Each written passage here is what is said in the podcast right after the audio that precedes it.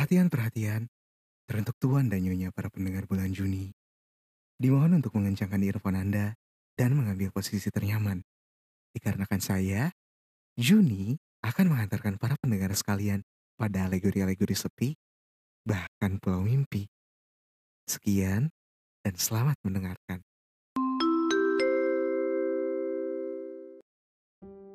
Hai, apa kabar? Satu tahun sudah berlalu, dan waktu terbang begitu cepat melampaui semuanya.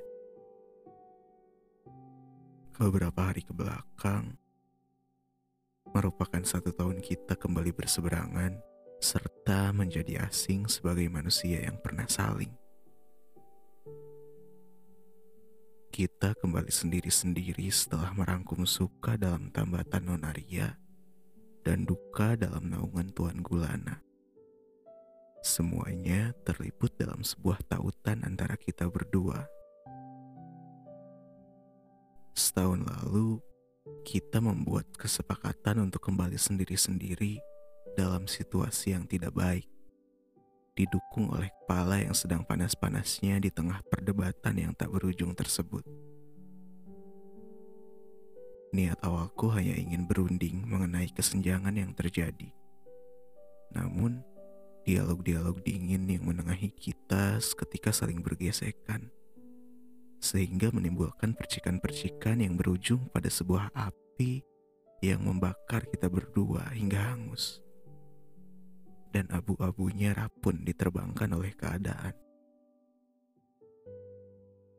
Bila harus jujur, sebetulnya jauh darimu merupakan hal yang menyenangkan ketimbang saat dulu kita bersama sempat berpikir dalam sebuah jeda dengan kepala yang sangat dingin dan nafas yang sudah tak diburu oleh bayang-bayangmu. Apakah kesenangan ini hanya sebuah upaya untuk balas dendam?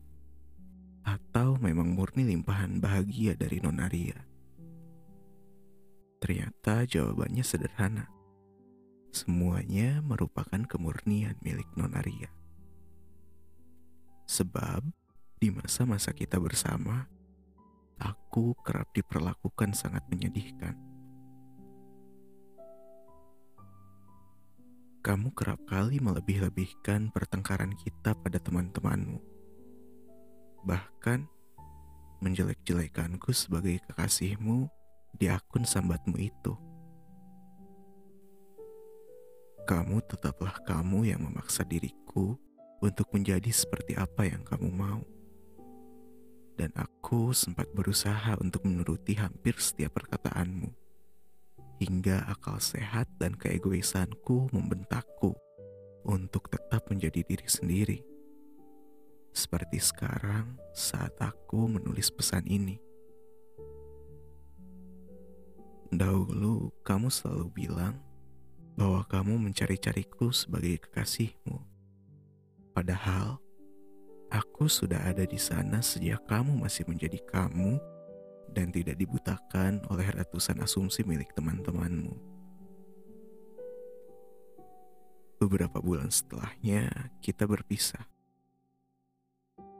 Kamu mulai kembali mencoba menghubungiku melalui pesan-pesan yang tidak aku balas. Karena aku terlalu pengecut untuk menghadapimu lagi. Kamu pun sering kali menelponku di waktu akhir pekan.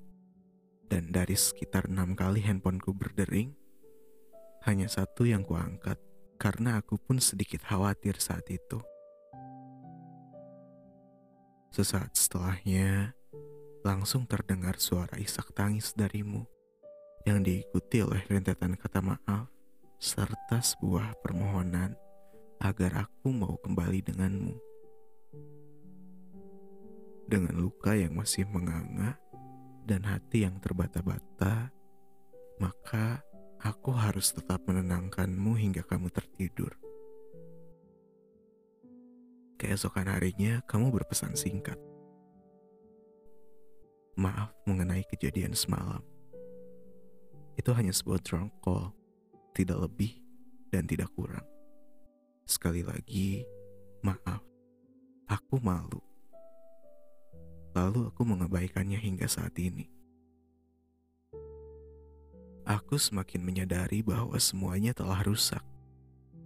Kamu selalu berkata bahwa semuanya merupakan kesalahpahaman. Tidak hanya sampai di situ, seluruh sumber kebahagiaanku pun kamu renggut.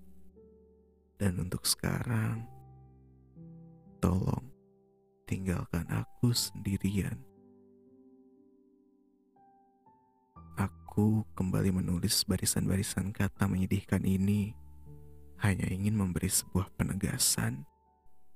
Dan bila kamu ingin tahu tentangku saat ini, aku akan berkata sejujur-jujurnya bahwa aku jauh lebih bahagia dari saat kita bersama waktu itu. Sekian, salam hangat dari mantan kekasihmu yang engkau sia-siakan satu tahun lalu.